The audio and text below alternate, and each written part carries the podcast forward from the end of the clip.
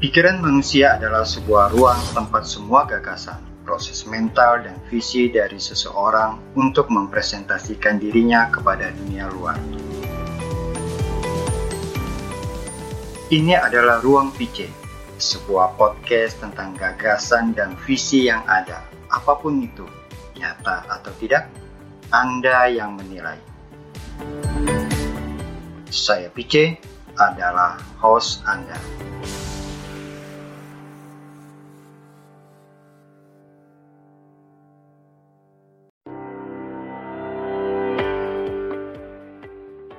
Selamat datang di Ruang PC. Ini adalah season pertama atau musim perdana dari podcast Ruang PC. Di Ruang PC, kita akan berbicara apa saja tentang gagasan, ide, dan visi. Kita sering bilang, no idea, blank. Tapi sebenarnya kita punya kemampuan untuk melakukan sesuatu. Mungkin juga ada yang punya banyak ide atau visi atau gagasan, namun tidak ada hasrat atau kemampuan untuk mewujudkannya. Di ruang PC, kita akan mencoba untuk menguak semua pikiran yang ada, menyerap inspirasi-inspirasi yang ada. Siapa tahu, dari perbincangan ini akan menghasilkan sesuatu yang bermanfaat. Selamat mengikuti.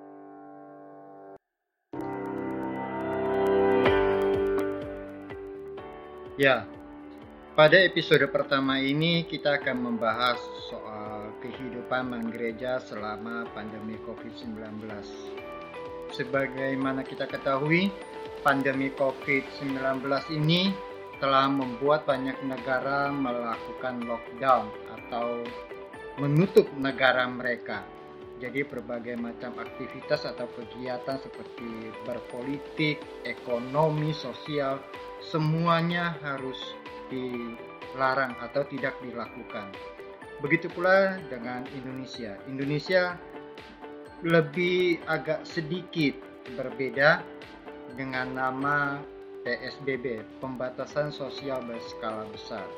Ya, intinya adalah kita semua diminta untuk tidak melakukan uh, sosialisasi secara terbuka dan umum uh, supaya untuk bisa memutus penyebaran uh, rantai virus dari COVID-19 ini. Maka aspek kehidupan kita berubah. Banyak perubahan yang terjadi dalam kehidupan kita sehari-hari. Yang tadinya kita aktif melakukan aktivitas kita di luar rumah selama berbulan-bulan ini kita sudah melakukannya di dalam rumah. Nah, banyak hal yang terjadi. Nah, sekarang bagaimana dengan gereja? Gereja juga menghentikan semua aktivitas yang mengumpulkan banyak orang.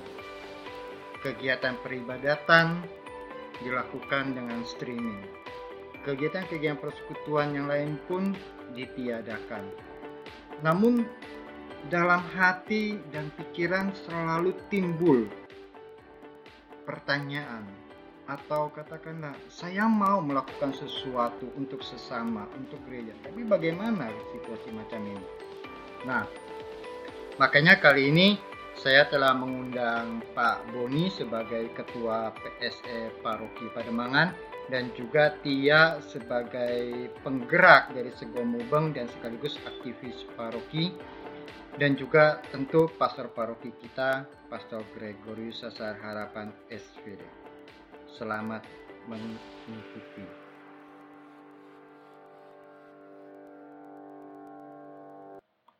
Eh, Tia, apa kabar? Kabar baik kok Petrus.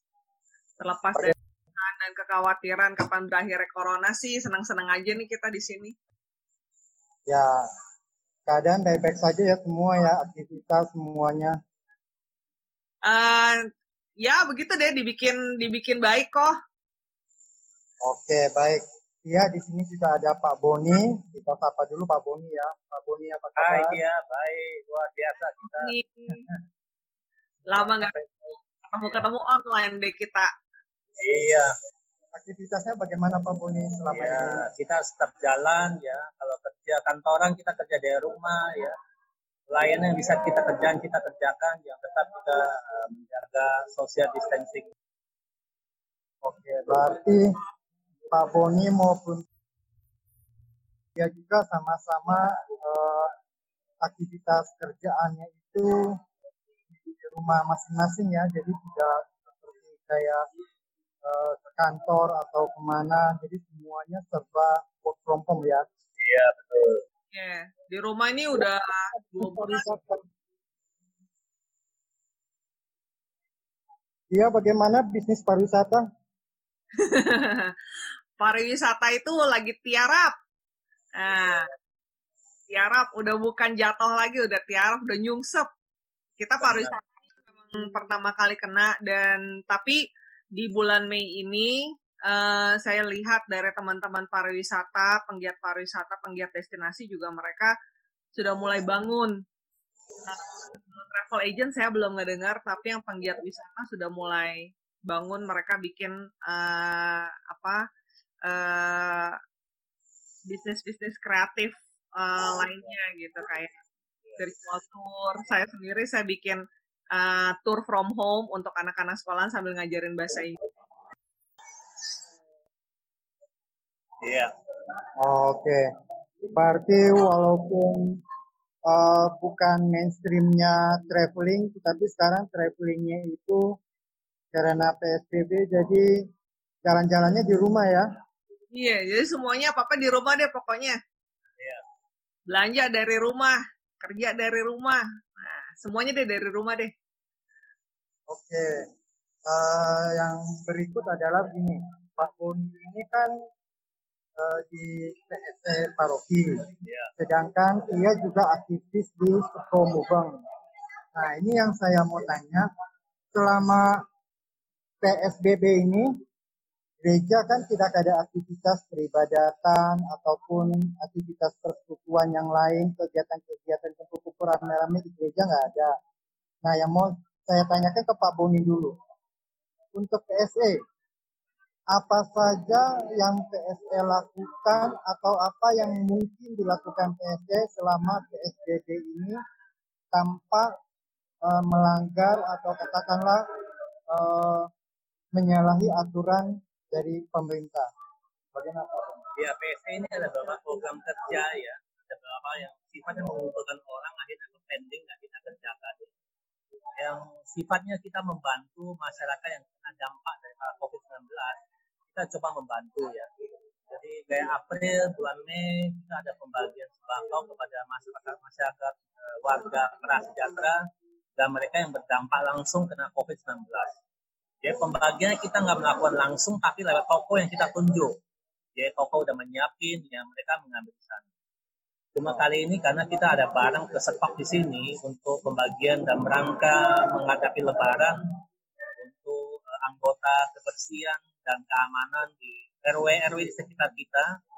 Jadi sore ini kita melakukan packing di sini. Jadi besok malam kita melakukan distribusi. Itu yang PSE lakukan. Ya mudah-mudahan bulan-bulan ke depan tetap kita bisa melakukan uh, pelayanan kita ya untuk warga kita yang membutuhkan khususnya berdampak daripada COVID-19. Berarti udah ada dua ya Pak Boni ya. Sudah. Yang pertama dengan kupon dibagikan ke umat. Betul. Nah, yang sekarang ini untuk masyarakat. Yang ke kuponnya udah dua kali, Oh, April kupon sama dua, Mei. oh, kupon dua kali. Lalu yang ini dalam bentuk bingkisan-bingkisan ya. Ya. Oke. Kisah ini dalam rangka menghadapi Lebaran untuk warga yang tinggal di sekitar kita ada 11 RW ya, untuk uh, petugas keamanan dan kebersihan. Oke, oke Pak Boni. Sip. Ya. Paham. Nah, Tia, sedangkan dengan Sego Mubeng bagaimana Tia? Uh, ya, Sego Mubeng dari tahun 2019 kan kita uh, memang yang kita lakukan itu uh, berkeliling berbagi nasi bungkus di Sabtu subuh kok. Jadi ketika PSBB ini uh, ada, otomatis kita kan nggak bisa keluar uh, rumah, apalagi subuh-subuh gitu kan. Biasanya kita jam 4 kumpul di gereja, berbungkus nasi, jam 5, jam setengah 6 kita sudah kelilingan membawa sekitar 160 nasi bungkus di sekitaran Pademangan sampai dengan Senen. Nah, terakhir kami berkeliling itu tanggal 21 Maret. Uh, sewaktu PSBB diluncurkan, yang menjadi pemikiran saya saat itu adalah, oke, okay, banyak orang akan terkena imbas, terutama para lansia dan para wanita yang memiliki anak-anak kecil, di mana anak-anaknya itu harus stay di rumah. Dengan keterbatasan PSBB bahwa kita tidak boleh keluar rumah, otomatis uh, mereka juga mau menghidupi hidup mereka dalam artian memenuhi ke kebutuhan jasmani mereka untuk penyediaan pangan, harus belanja ke pasar, itu juga mereka pasti akan mengalami kesulitan. Ini kita berbicara lagi awal-awal PSBB. Uh, eh, sempat waktu itu saya uh, browsing-browsing baca berita apa yang terjadi di negara lain dan bagaimana cara mereka uh, mengovercome uh, PSBB-nya mereka yang udah duluan ya. Mereka kan bilangnya lockdown. Nah,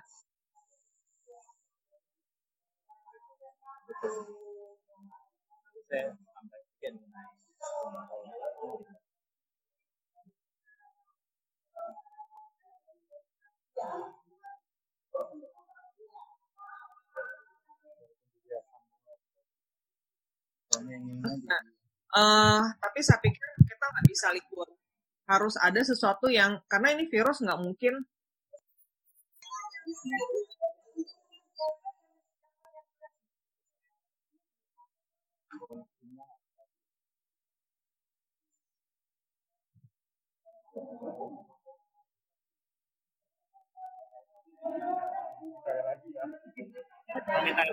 gitu kan. Nah, ketika seorang anak dan dia karena lansia kan rentan, maka itu dia panggil-panggil orang nggak ada yang mau nyautin dia gitu loh. Padahal dia parkir di pinggir jalan. Hingga ada satu wanita anak muda uh, lewat dan nenek ini bilang tolongin tolongin saya mau ke supermarket tapi saya takut. Akhirnya anak muda ini ke supermarket. Dari situ sejak itu saya pikir apa yang dialami nenek tersebut besar kemungkinan juga dialami oleh para lansia yang ada di sekitar kita. Saya sendiri tinggal dengan dua orang lansia saat itu awal PSBB orang tua saya sakit, papa saya sakit selama tiga minggu uh, dan nggak bisa bangun dari ranjang, hanya di ranjang aja gitu kan. Saya kepikiran bagaimana tetangga yang di sebelah saya juga oma-oma tinggal sendirian, nggak ada anak mudanya. Anaknya tinggal di Pademangan tapi di tempat lain. Dari situ saya nggak bisa tidur sampai besok paginya tiba-tiba langsung kepikiran oke okay, I have to do something gitu kan. Akhirnya dari situ saya coba mengajak teman-teman di komunitas Segomubeng. Saya bilang e, kita buka gerakan yang namanya belanjain. Itu lagi awal PSBB belum masuk ke bulan Maret eh bahkan belum masuk ke bulan April. Saya bilang yuk kita bikin namanya belanjain perlu orang yang jalan tradisional dan ngebelanjain untuk para oma-oma ini atau enggak untuk kita sendiri siapa yang memerlukan belanjaan itu satu. Nah dari situ berkembang uh, uh, berkembang beberapa beberapa rumah yang nitip belanjaannya dan itu berjalan dengan baik. Lalu yang kedua uh, Segomubeng itu sendiri salah satu aktivis kita Dokter Gigi yang di Dokter Yufi memberikan satu ide bahwa uh, dia punya keprihatinan terhadap para ojol yang uh, penghasilannya uh, menurun. Lagi-lagi itu juga masih di awal PSBB. Uh, kita bincang, kita diskusi nanti bagaimana kalau seandainya kita buka nasi bungkus di depan rumah uh, dan sosialisasi tentang tangan karena kan para ojol ini nggak terbiasa dengan yang namanya cuci tangan gitu kan. Sedangkan dari pemerintah uh, digedor uh, perin bukan perintah instruksi bahwa anjuran pakai masker, cuci tangan dan seterusnya. Dan physical distancing. Lalu kita diskusikan beberapa poin termasuk salah satunya adalah mengenai hal ngegerubun. Nasi bungkus itu kan ibaratnya kayak uh, gula yang ditaruh di jalanan atau enggak ditaruh di satu tempat didatengin oleh semut gitu kan. Dan itu mengattract orang-orang untuk mengegerumun jadi kita bikin suatu proses kita bikin sistem kita trial and error. Dan itu uh, sempat dia blast ke kawannya dan kawannya ini bilang nggak bisa nanti itu akan ngegerumung apa segala macam. Tapi saat itu saya bilang sama sama uh, kawan kita ini ya udah kita coba. Setiap niat baik itu selalu uh, direstuin. Jadi apa pun uh, konsekuensinya kita tekan ke seminim mungkin resikonya dan konsekuensinya kita kita ambil bareng-bareng kita tanggung bareng-bareng dan kita evaluasikan. Dari sejak saat itu uh, sampai dengan sekarang itu terus setiap minggu kita kita laksanakan nas bungcungan ini nasi bungkus cuci tangan ini. Uh, itu gerakan yang kedua. Lalu bagaimana dengan gerakan yang rutinnya? Sabtu subuh sudah pasti tidak jalan, tetapi hari Sabtunya juga masih berjalan karena di minggu yang sama kami dapat uh, uh, telepon dari salah satu kawan ex mudika di di di paroki yang mereka juga bergabung dalam komunitas Kudos Charity. Nah, Kudos Charity ini mereka memiliki um, donatur-donatur yang menyumbangkan banyak uh, uh, apa uh, banyak barang ya. Kayak misalkan masker uh, alat kesehatan bahkan peti mati sendiri bahkan peti mati untuk tenaga untuk yang diserahkan ke ke uh, ke pemerintah. Nah uh, mereka saat itu mau mengajak kolaborasi uh, kami menyediakan nasi bungkusnya dan kami iakan setiap Sabtu hingga dengan sekarang mereka akan ngambil dari dari tempat uh, dari tempat kami dan mereka akan uh, bantuin untuk bagikan keliling barengan dengan donasi-donasi yang mereka ada. Itu sih kok yang kami lakukan selama ini. Jadi uh, bisa dibilang dibandingkan sebelum PSBB dengan sekarang, kayaknya uh, Segomubeng jadi lebih sibukan sekarang gitu, lebih banyak bungkusan yang dibagikan dibandingkan yang lalu. Sekarang kita seminggu itu kita berbagi bisa sampai 200 sekitar 230-an bungkus. Ya, oke Tia. Ah, Pak Boni, mungkin masih ada yang Pak Boni mau tambahkan ke PSI? Ya Pak Peter, saya mau tambahin sedikit ya. Mengenai program pembagian sembako kepada RW 11 RW itu, itu ada programnya PTTKS bekerja sama dengan PSE dan HAK. Dia bukan program PSE sendiri. Ya, kita keluar bersama-sama atas nama paroki gitu. Ya, kita gabung jadi satu karena tadinya PSE itu punya program basar. Nah itu nggak mungkin dilakukan. Jadi kita joinan dalam satu program yang namanya program pembagian sembako untuk 11 RW di kelurahan kita. Bersama PPTKS dan AAK. Pak Boni, dalam keadaan sekarang yang social distancing lalu uh, ada banyak hal-hal lain, kira-kira tantangan terbesar atau tantangan apa saja yang ada yang harus dihadapi pribadi Pak Boni maupun PSE dalam melaksanakan uh, aktivitas aktivitas sosial ini. Ya, saya kira dalam aktivitas kehidupan kita sehari-hari ya, terjadi perubahan yang sangat signifikan yang mungkin nantinya ke depan itu akan merubah daripada uh, kehidupan sosial kita secara keseluruhan baik sebagai uh, keluarga hidup bermasyarakat kerja di perkantoran maupun kerja uh, misalnya buka toko. Jadi mungkin kantoran kita juga sistem akan berubah secara jangka panjang ya setelah merasakan perubahan ada pandemi yang berjangka panjang dan ini akan mengubah dari struktur daripada uh, organisasi ya maupun struktur daripada perusahaan keseluruhan.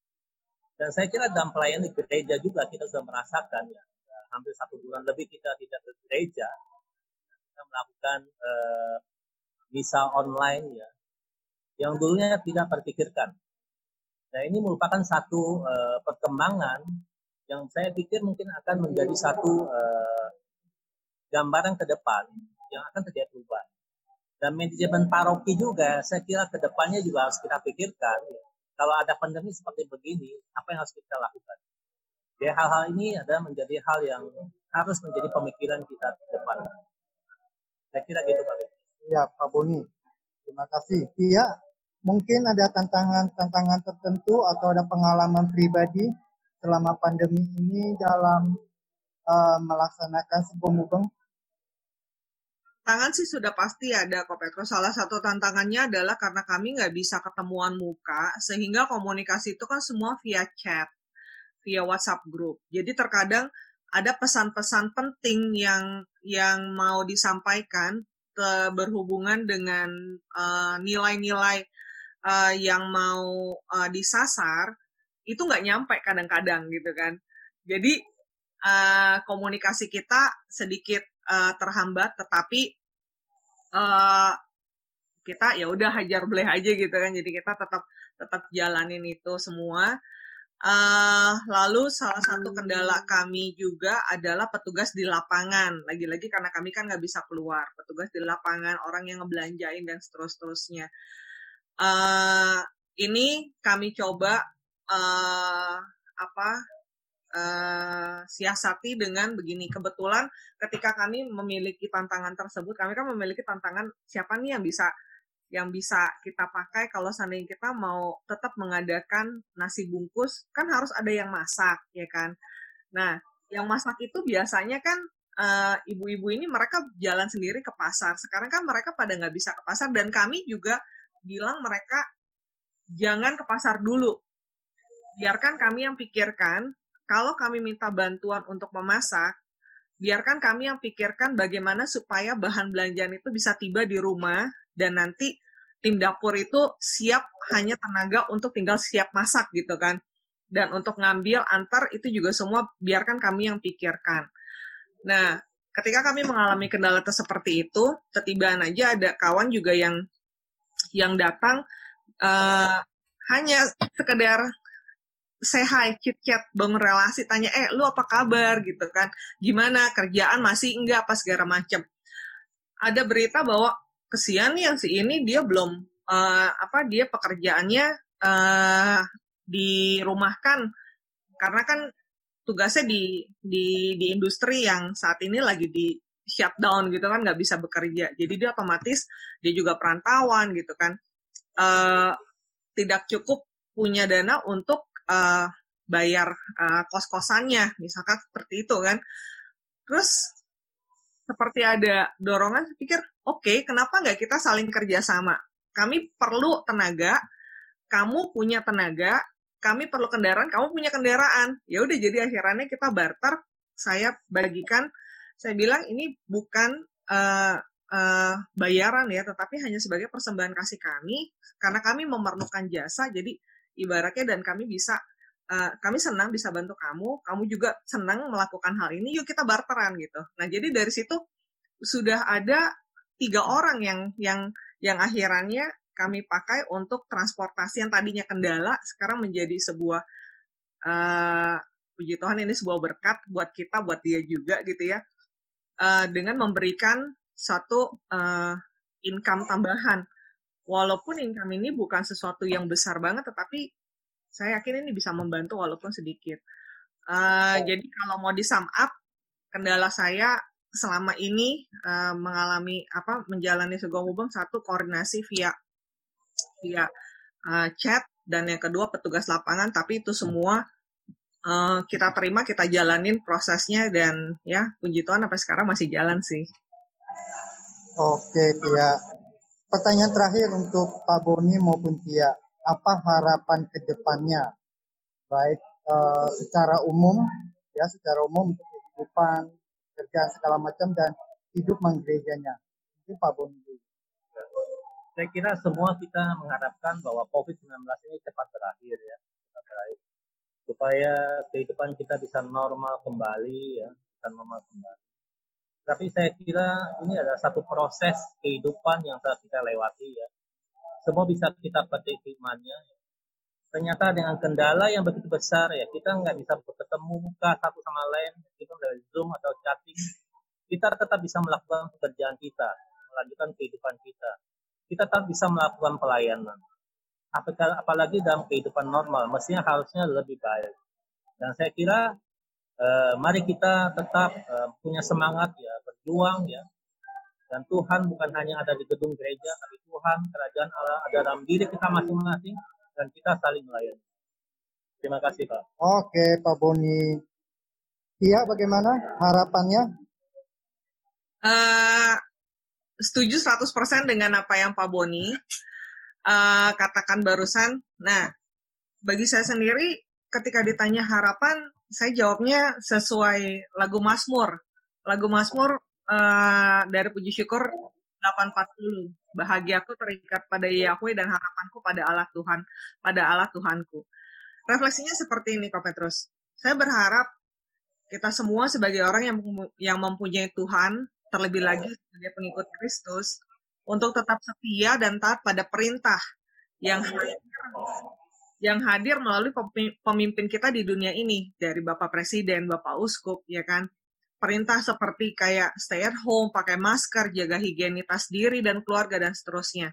Kita semua itu udah pada tahu. Jadi itu hal-hal praktis yang kita harus lakukan sebagai orang beriman. Lalu yang kedua, selain itu juga jalani hidup ini dengan penuh kesadaran dan roh rohnya roh yang mana? Otomatis roh yang penuh kasih, gitu kan, peduli terhadap sesama. Dengarkan kesulitan yang hadir di sekitar kita dan tanyakan sama diri sendiri, apa sih yang kita punya dan bisa kita kerjakan untuk bantu semangat ini yang selalu saya terapkan dan ingatkan pada diri sendiri ketika mau melakukan sebuah gerakan baru, terutama apalagi yang ada di dalam gerakan segomubang itu sendiri. Harus diingatkan terus-menerus untuk apa sih saya buat ini? awal mulanya apa sih dan bahwa tiap kita ini punya punya peranan tersendiri dan potensi masing-masing yang bisa diberikan hanya aja jika kita terbuka untuk memberi.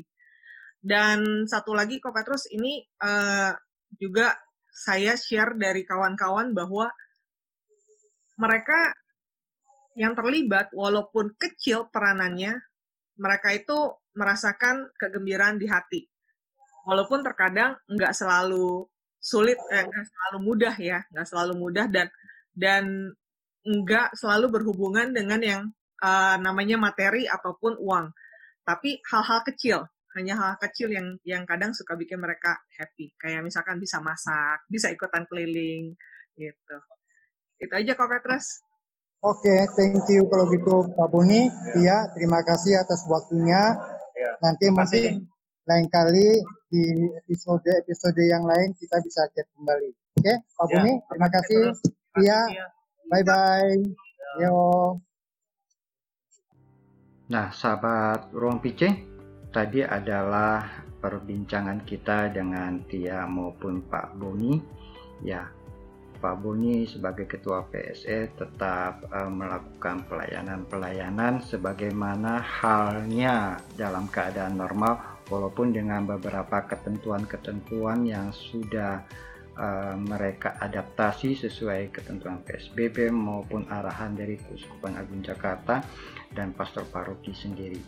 Begitu pula dengan uh, aktivitas Segomubeng Tia dan rekan-rekan mereka di Sego Mubeng juga terus melakukan aktivitas uh, mereka, gerakan mereka, mereka Sego Mubeng uh, dengan modifikasi, dengan uh, melakukan berbagai macam cara untuk supaya mereka tetap bisa menjangkau sesama ataupun umat uh, dalam hal uh, pelayanan.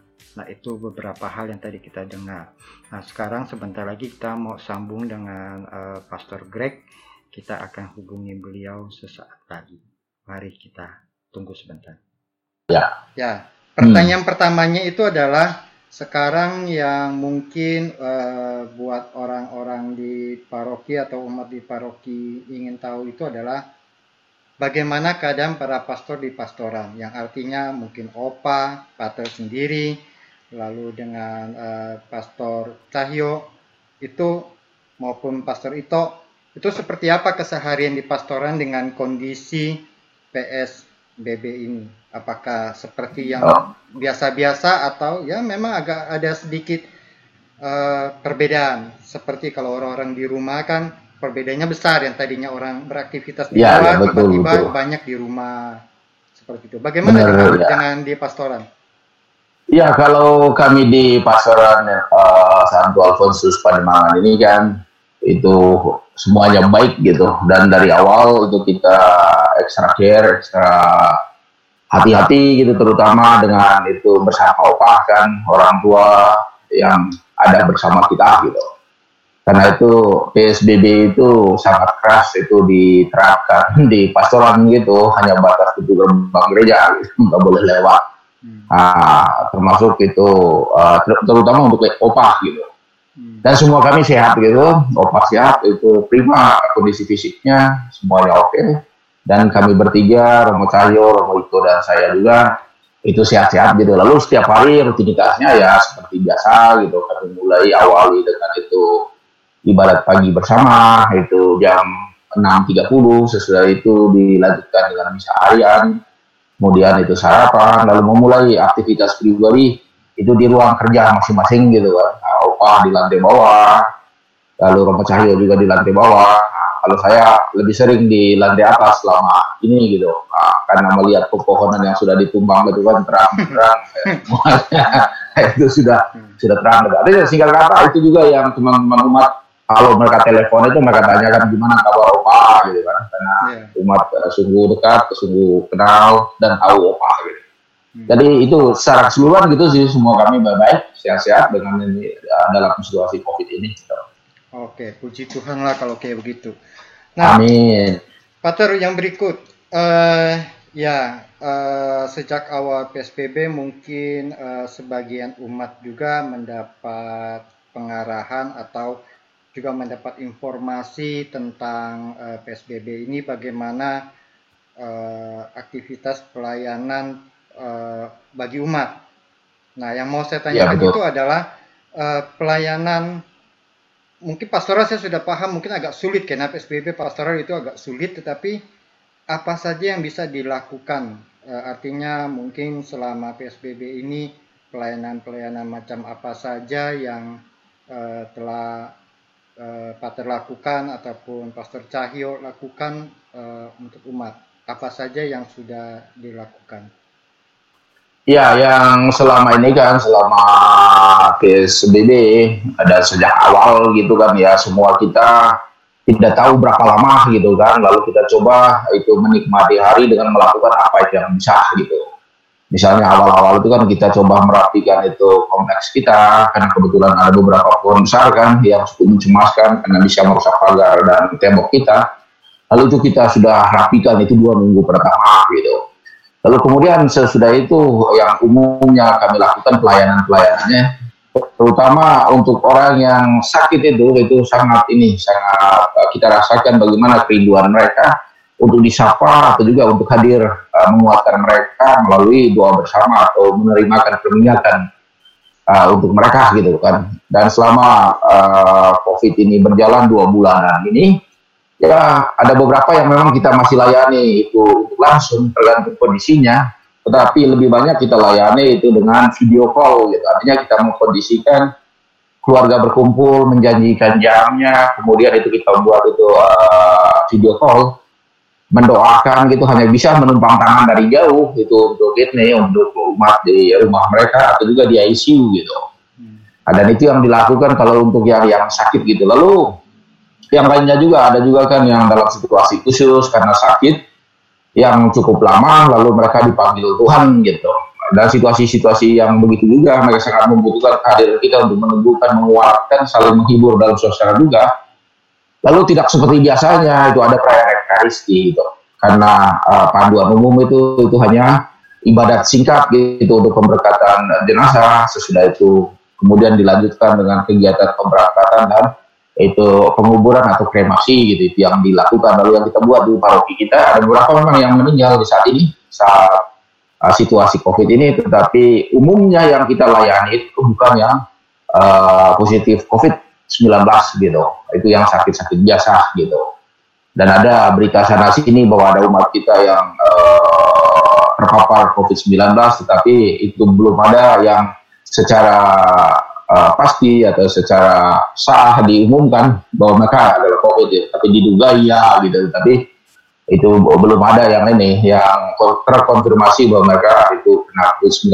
Lalu di samping itu ada yang via telepon juga itu yang meminta nasihat atau men-sharingkan pengalaman kesulitan dan suka duka mereka terutama berhubungan dengan kerja atau berhubungan dengan situasi ekonomi di saat covid ini gitu lewat telepon gitu tetapi tidak banyak juga gitu artinya itulah yang bisa dibuat selama ini. Di samping itu kita uh, mengerjakan file-file kita yang ada yang masih ya, tertunggak gitu. Itu yang dikerjakan selama uh, COVID-19 di samping itu ya Romo Cahyo itu dengan hobinya atau kegemarannya itu. Nyanyi dia coba membagi uh, talenta nyanyinya itu dengan teman-teman itu via YouTube kalau saya tidak salah gitu. Nah, lalu saya juga iseng-iseng gitu coba untuk menyapa umat untuk menjangkau umat baik umat paroki kita atau sahabat umat di tempat-tempat lain yang ada di uh, channel YouTube atau yang ada di Facebook gitu. Cuma disapa dengan renungan-renungan yang kadang itu mungkin rada garing atau rada gosong atau rada apa gitu. Tapi lama-lama juga itu ada banyak feedbacknya dan ada juga banyak uh, uh, kesan yang membuat mereka itu semacam dikuatkan dengan cara yang itu. Makanya sekarang itu menjadi PR itu harus PR. dibuat Lanjut. setiap minggu. ya, dibuat tiap minggu gitu. Yeah. Untuk untuk dikirim gitu. Kira-kira gitulah itu uh, secara ininya garis besarnya pelayanan selama ini. Lalu pertemuan ini pertemuan uh, dekenat masih berjalan itu pertemuan lewat itu uh, online itu lewat uh, Microsoft uh, iTeams Lalu juga untuk pertemuan ini uh, eh, DPH itu kita buat juga lewat Zoom, tetapi tidak terlalu sering gitu. Nah, kadang kita hanya panggil teman-teman lain yang ya ada hubungan dengan kegiatan atau kerja untuk melakukan itu uh, tidak rame-rame gitu. Kurang lebih begitu ya. uh, pelayanannya. Ya. ya tadi ya memang sudah sering ada video ya yang dibuat Pater video renungan Ya. ya itu yang dicoba aja. jadi ya dari ketidaktahuan. Jadi gitu. sekarang ya sekarang jadi punya mainan baru ya Pater ya. Jadi berlatih membuat video. Iya itu salah satu itu namanya untuk itu mengisi waktu yang panjang itu sehingga tak terasa itu waktu sudah berlalu begitu banyak. Iya. Iya. Memang video itu time consumingnya tinggi. Iya. Berarti nanti ya. lama-lama Pater bukan hanya belajar meng editing videonya tapi juga memproduksi sebuah video atau katakanlah uh, videonya hasilnya menjadi baik uh, dari segi uh, kontennya. Mungkin ya mudah-mudahan itu pasti akan belajar juga itu dari itu kopi C kan itu untuk melengkapi untuk mengisi celah-celah kekurangan yang di sana sini masih banyak sekali Baik, Pater. Itu itu itu bisa nanti kita bisa uh, ini perbaiki sana sini yang sudah Pater buat. Yang paling penting itu kan saya lihat Pater sudah mulai buat dan Pater sudah mulai ada peningkatan dalam pembuatannya dan itu diteruskan nanti sampai titik tertentu saya lihat ya baru mungkin saya kasih Pater beberapa jurus nih Pater karena mesti hobi dulu Pater. oh iya iya iya betul betul betul karena mesti sudah mulai menyenangi sudah gitu. terbiasa itu gampang diberi petunjuknya. Betul betul betul ya ya itu learning by doing gitu kan. Iya. Oke. Okay, ya. Ini eh, PSBB itu pasti menyangkut eh, jumlah orang yang berkumpul. Tidak bisa. Ya. Nah, Makanya Betul. ini yang saya lihat menjadi kendala juga di paroki itu yang punya tuntutan cukup besar itu banyak aktivitas atau kegiatan yang menuntut berkumpulnya banyak orang. Iya. Nah, mungkin beberapa yang ada hubungannya dengan kegiatan peribadatan jadi kelompok-kelompok atau komunitas-komunitas mungkin mereka bisa bisa menerimanya ya. Mereka ya, betul, bisa, betul. bisa mengadakannya secara pribadi di rumah atau dengan caranya mereka atau dengan teknologi apa pun. Nah, ya, ya. ya yang saya juga lihat cukup agak sedikit, saya membayangkan agak sedikit pusing juga memikirkan soal uh, ini yang mereka mau menikah. Nah, betul betul ya ya. Uh, eh, MRT ini kan otomatis tidak dilangsungkan. Betul nah, ya. Dengan tidak adanya MRT ini, jadi bagaimana pandangan Pater untuk kalau ada umat yang mau menikah dalam kurun waktu ya beberapa bulan ke depan ini atau dalam waktu dekat ini. Jadi bagaimana pandangan Pater? Ya. Yang paling pertama kan yang tentang MRT itu kan, MRT itu itu tidak dijalankan itu kan karena situasi khusus ini, situasi Covid kan. Dan juga andaikan sekarang itu uh, diadakan tetap masih dilarang itu untuk berkumpul gitu sehingga pelayanan pemberkatan itu tetap juga tidak bisa di, dijalankan. Itu yang coba kita angkat bicarakan bersama dalam sidang pertemuan dekenat itu beberapa waktu yang lalu untuk membicarakan itu juga. Karena ada orang atau ada umat yang sudah merencanakan pernikahan mereka supaya berlangsung itu dalam waktu sesudah pasca ini atau di uh, bulan Juni Juli uh, ke depan ini. Mestinya sekarang itu pemberkasan mereka itu sudah sudah beres gitu.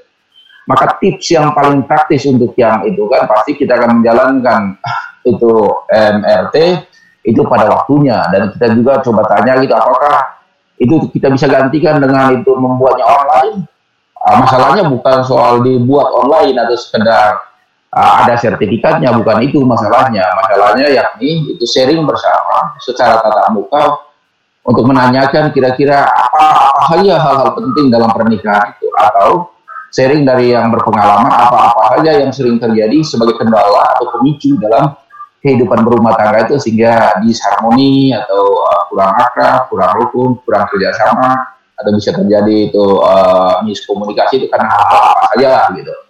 Karena dari segi teori itu bisa dibagi gitu, tapi dari segi praktek itu yang umumnya uh, susah gitu. Maka di saat duduk bersama itu dengan pasangan, dengan itu mentor-mentor yang ada, materi yang ada yang umumnya berkeluarga, itu mereka sharingkan itu dari pengalaman-pengalaman konkret real yang mereka alami. Itu pertimbangannya. Lalu pertanyaannya bagaimana mereka yang mau menikah? Yang ini, maka uh, ajakannya kan ya ini, untuk reschedule kembali, itu rencana-rencana pernikahan yang dalam tanda petik tidak mendesak gitu itu dia pernikahan yang tidak mendesak. Tidak mendesak artinya semuanya masih dalam kondisi normal. Gitu. Artinya rencananya apa segala macam. Lalu yang itu dalam situasi khusus, itu entah ada kasus atau ada situasi khusus, itu yang akan kita tangani dengan cara uh, pendekatan pastoral tertentu juga gitu. Dan itu yang kita coba bicarakan uh, dalam pertemuan yang terakhir gitu. Oke situasi khusus itu ya itu nanti tinggal itu teman-teman yang mau uh, merencanakan pernikahan itu atau dalam situasi khusus itu tinggal kontak ke anu ke sekretariat paroki. Untuk selanjutnya itu sekretariat paroki menyampaikan kepada para romo untuk membicarakan hal itu dan mengontak kembali orang yang uh, berkebutuhan khusus itu. Kira-kira begitu dia punya uh, penjelasannya tentang uh, MRT dengan rencana pernikahan di bulan-bulan yang akan datang atau ada yang sudah lewat kemarin gitu. Nah, bagaimana? Maka anjurannya itu uh, dijadwalkan kembali gitu. Dan bagusnya kalau melihat situasi ini kan belum tentu gitu. Jika bagus kalau di digeser ke waktu-waktu yang agak lama ke depannya sehingga enak gitu. Nah, itu saja sih gitu. Tapi yang situasi khusus itu kita berjuang untuk membantunya sejauh itu teman-teman yang mengalami situasi khusus itu uh, dengan uh, keikhlasan, ketulusan mau juga berpartisipasi untuk memprosesnya. Gitu. Ya, ya kira-kira gitu. Hmm. Ya. Memang uh, situasinya membuat uh, pastoral kita agak sedikit uh, tertantang. Memang saya Betul, mendengar, ya. ya saya mendengar banyak banyak uh, apa bukan keluhan kayaknya, uh, cuman satu satu maksudnya satu kondisi di mana umat itu uh, merasa mereka harus di atau mereka mengharapkan perhatian yang lebih tinggi karena kondisi-kondisi tertentu.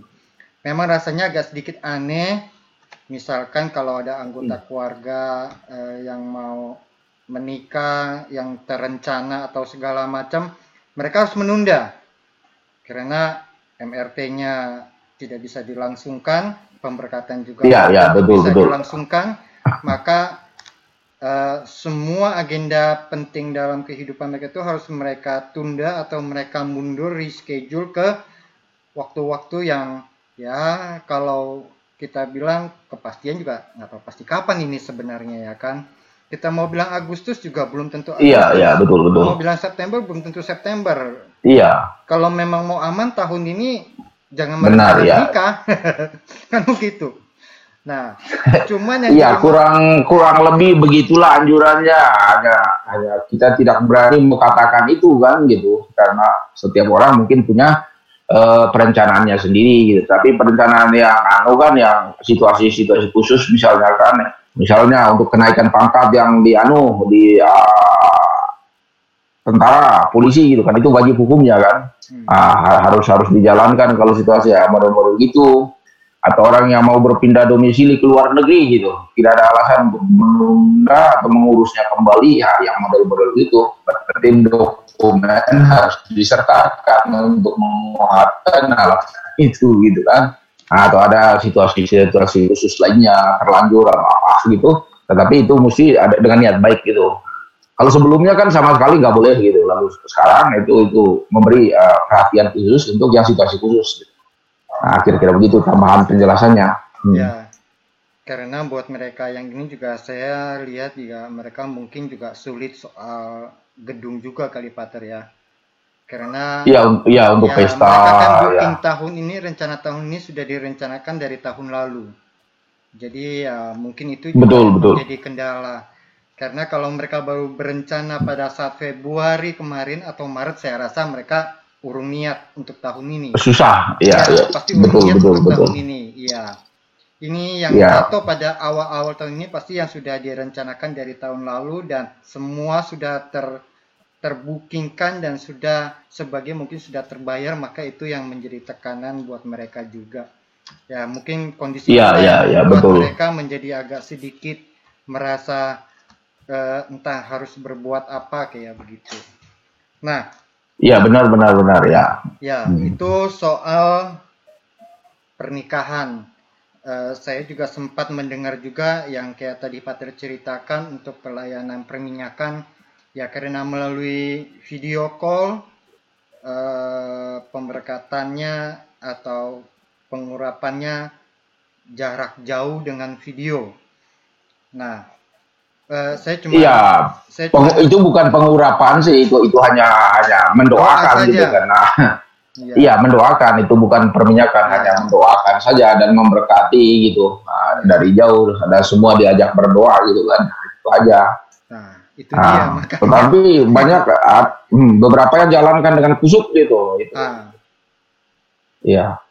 Ya itu makanya yang Hmm. terbayangkan sama saya, tetapi ya karena kondisi ya kita tidak bisa tidak bisa terlalu memaksakan Hmm. juga ya harus win-win lah untuk saling menerima kondisi ini.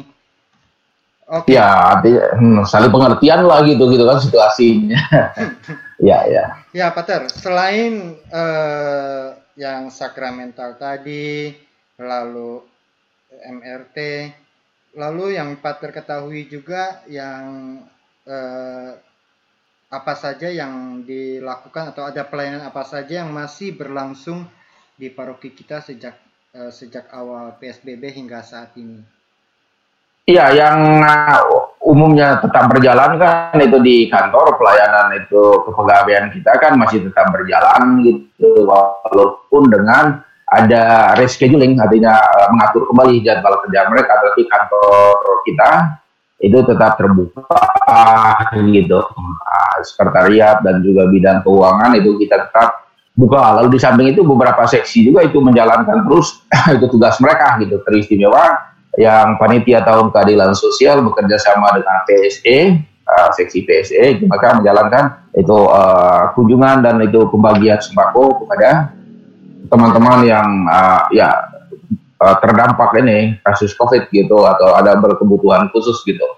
Demikian juga teman-teman yang itu dari seksi hak juga itu uh, kebetulan kan ada perayaan ini uh, puasanya teman-teman kita yang Islam Muslim dan juga Lebaran itu ada juga uh, pembagian uh, semacam sembako atau buka buka uh, puasa bersama bersama mereka bersama WKRI gitu. Nah itu di, dijalankan gitu. Artinya itu beberapa seksi lalu ada seksi seksi-seksi lain juga yang mereka terus uh, bekerja dengan cara mereka sendiri. Gak ada yang terlapor, ada yang tidak. Misalnya OMK mereka dengan cara mereka itu mereka membuat uh, mendekatkan jarak dengan sesama orang muda mereka itu dengan itu uh, ada istilah mereka uh, apa namanya PSBB juga gitu. Lalu ada satunya itu ayo tanya gitu atau apa lupanya ambiar kapan? Ambiar.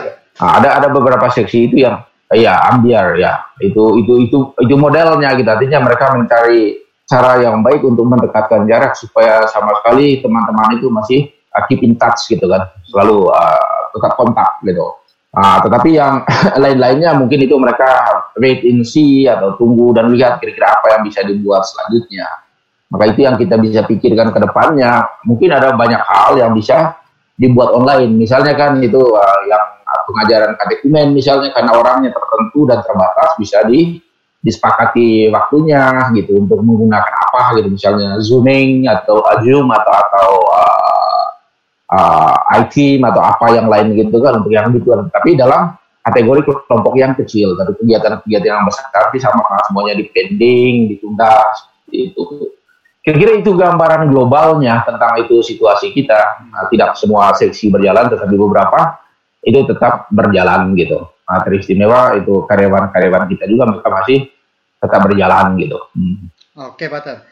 Uh, uh, yang saya mau ketahui juga sekarang bagaimana respon umat atau tanggapan umat terhadap uh, kondisi kita sekarang saat ini dengan ya yang semua serba terbatas dan nggak uh, bisa dilaksanakan lalu dengan beberapa pelayanan yang juga harus diatur ulang. Bagaimana tanggapan hmm. Iya, ada umat yang uh, menyampaikan bahwa mereka sangat rindu untuk uh, selekas mungkin lah atau secepatnya uh, COVID-19 berlalu gitu sehingga sampai uh, sampai ke situasi normal kembali. Lalu ada juga itu umat yang sampaikan yang apa mau dikatakan gitu kan mau tak mau harus koeksis itu ada bersama dengan COVID ini artinya kita buat sejak tahu kita mampu sedapat mungkin untuk terus itu berjalan gitu. Lalu di samping itu ada juga yang ikut uh, memikirkan tentang itu situasi operasional gereja gitu kan. Artinya uh, pengeluaran gereja kan terus berjalan kan, karyawannya, operasionalnya itu tetap gitu paling yang tidak berjalan saja yang pending itu kegiatan-kegiatan yang melibatkan umum. Nah, itu saja gitu. Lalu ada umat yang dengan cara mereka sendiri seperti hari mereka coba menyebarkan itu uh, uh, rekening bank atau bank accountnya milik itu PGDP milik gereja untuk umat ini itu pure inisiatif umat gitu. Nah, lalu ada orang bertanya bagaimana ini maksudnya ya? Segala sesuatu yang niat pribadi karena memang itu tujuannya itu dengan prosedur yang benar. Itu, saya pikir hal yang baik karena umat muncul kesadarannya sendiri untuk membantu gitu. Ada pro kontranya ada orang yang tidak kenapa tidak melalui paroki gitu kan. Alasannya ya karena memang paroki sudah pernah membuat uh, sosialisasi tentang cara-cara untuk membantu gereja cara-cara untuk memberikan semangat lalu umat yang sudah pernah mengikuti itu dan tahu itu lalu dia membagi kan Nah, sehingga di situ ada yang lain kan yang sangat itu uh, apa namanya hierarki minded gitu, maunya itu dari hierarki yang lebih tinggi mengedarkan itu. Lalu ada yang melihat gereja itu keluarga sebagai gereja, dari bawah munculnya untuk berpartisipasi gitu sejauh prosedurnya benar dan tepat gitu. Nah, itu itu contohnya. Sehingga ada umat yang yang ya menerima situasi apa adanya dan itu berjuang untuk uh, berdamailah dengan situasi itu dan berbuat sesuatu yang sanggup untuk dilakukan. Tetapi ada juga yang lain yang merasa uh, tidak puas atau kurang puas dengan situasi yang ada gitu kan karena banyak hal yang tidak bisa dibuat uh, sebagaimana mestinya gitu karena dua sisi itu senantiasa berjalan beriringan gitu.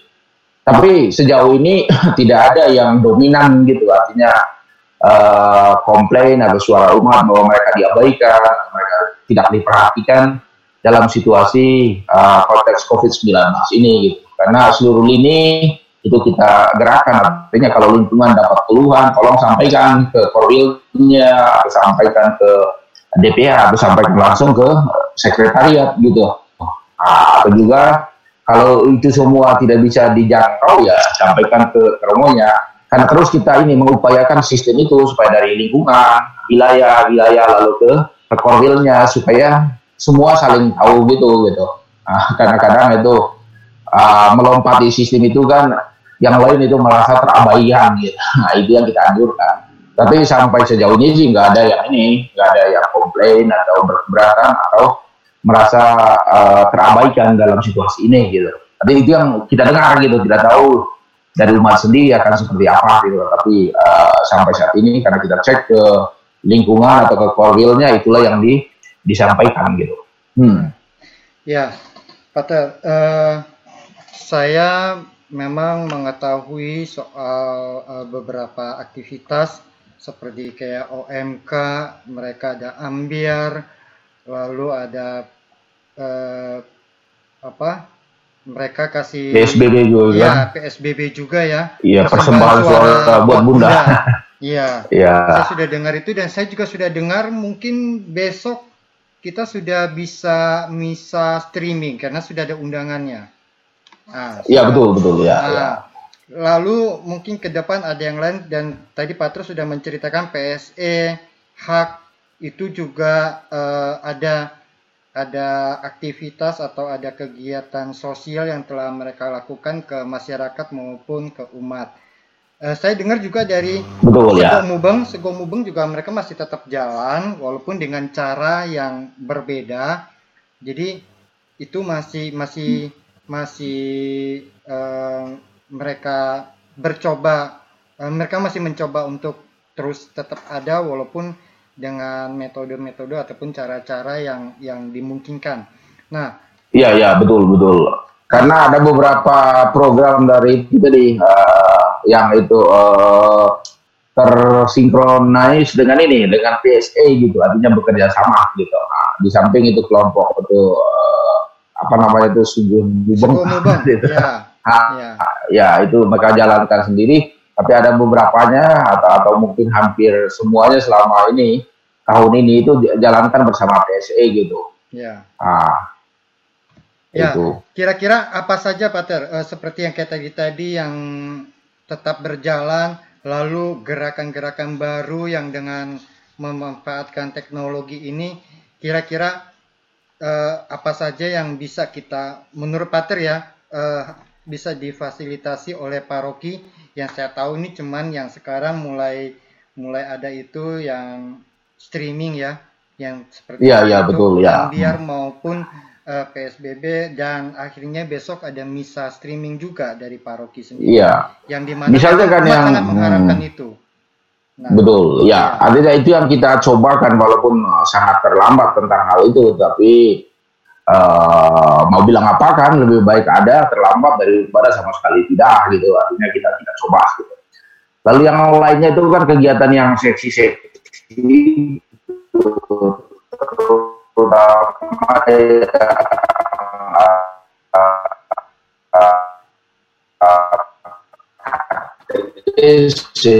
ada kan ya tadi itu uh, uh, iTeams gitu kan? Atau kelompok uh, baptis kelompok prisma kelompok komuni karena itu terbatas dia. Dan rada-rada yang mungkin ada satu dua yang orang-orang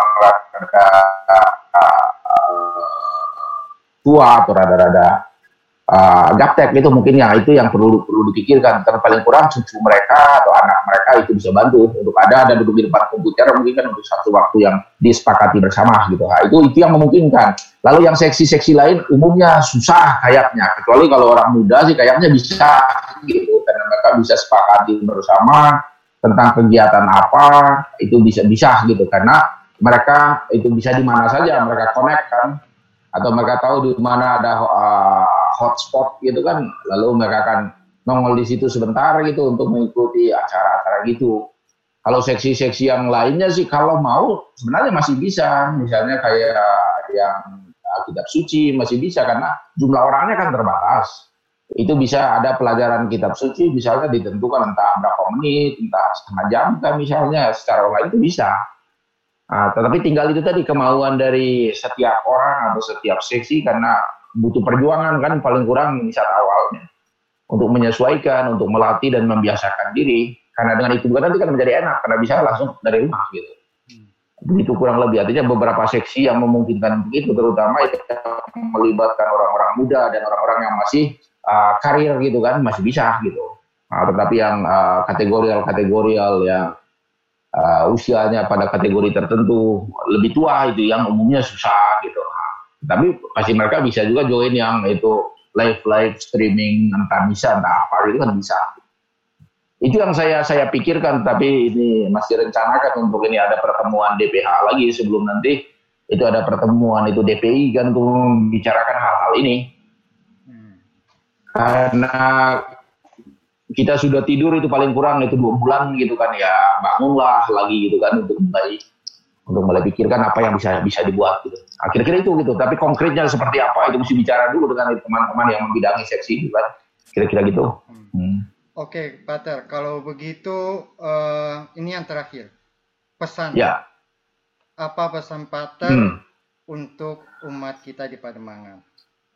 Iya, pesan saya itu kan umumnya kalau mereka yang sudah dengar di, di YouTube saya itu kan juga menyampaikan harapan itu. Yang pertama kan itu menghadapi situasi COVID ini kita tetap ikut apa yang uh, dianjurkan oleh pemerintah istimewa dinas kesehatan kan itu jaga kesehatan, pakai masker, cuci tangan, itu itu standar hand sanitizer itu standar dasar gitu.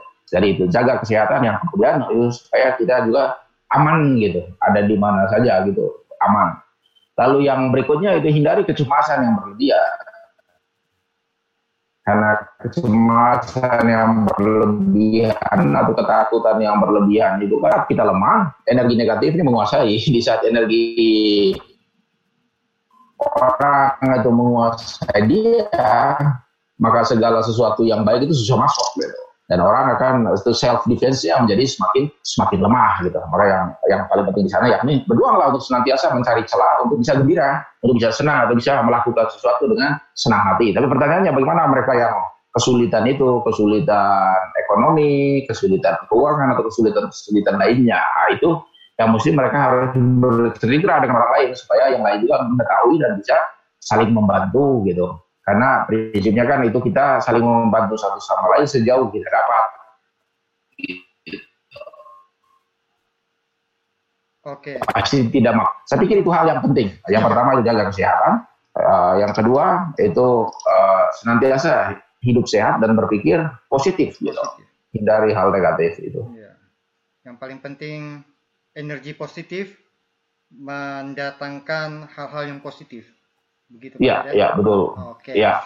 Ya, baik Pak Ter kalau gitu terima kasih atas waktunya bersedia bincang dengan saya uh, dan saya berharap semua tetap baik dan nanti ke depan mungkin uh, Pak Ter masih tetap bisa menjadi narasumber juga bagi saya untuk episode-episode ke depannya. Baik, ini saja. Terima kasih Pak Ter atas waktunya. Oke, yuk. Terima kasih banyak. Yuk. Terima kasih. Oke.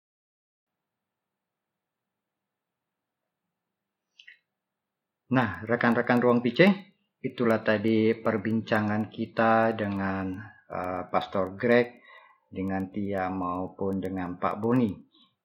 Dari perbincangan tadi kita bisa melihat, walaupun uh, kita tidak mampu melakukan banyak hal, kita tidak bisa uh, bebas melakukan pelayanannya kita karena kondisi PSBB ini, namun masih banyak hal juga yang bisa dilakukan dengan modifikasi-modifikasi dengan berbagai macam pikiran, ide, riset dan segala macam, maka ya aktivitas sosial gereja, bantuan-bantuan secara sosial masih bisa terus dilakukan, eh, inovasi-inovasi tetap ada melalui kaum muda mereka juga uh, mulai melakukan live streaming untuk menjangkau sesama kaum muda untuk menyapa mereka supaya mereka tetap termotivasi dan semangat. Oke, inilah perbincangan kita untuk episode pertama ini dan kita berharap masih bisa jumpa lagi untuk episode kedua. Seperti pesan terakhir dari Romo Greg tadi, stay positif. Terima kasih semua. Sampai jumpa lagi di episode 2. Thank you.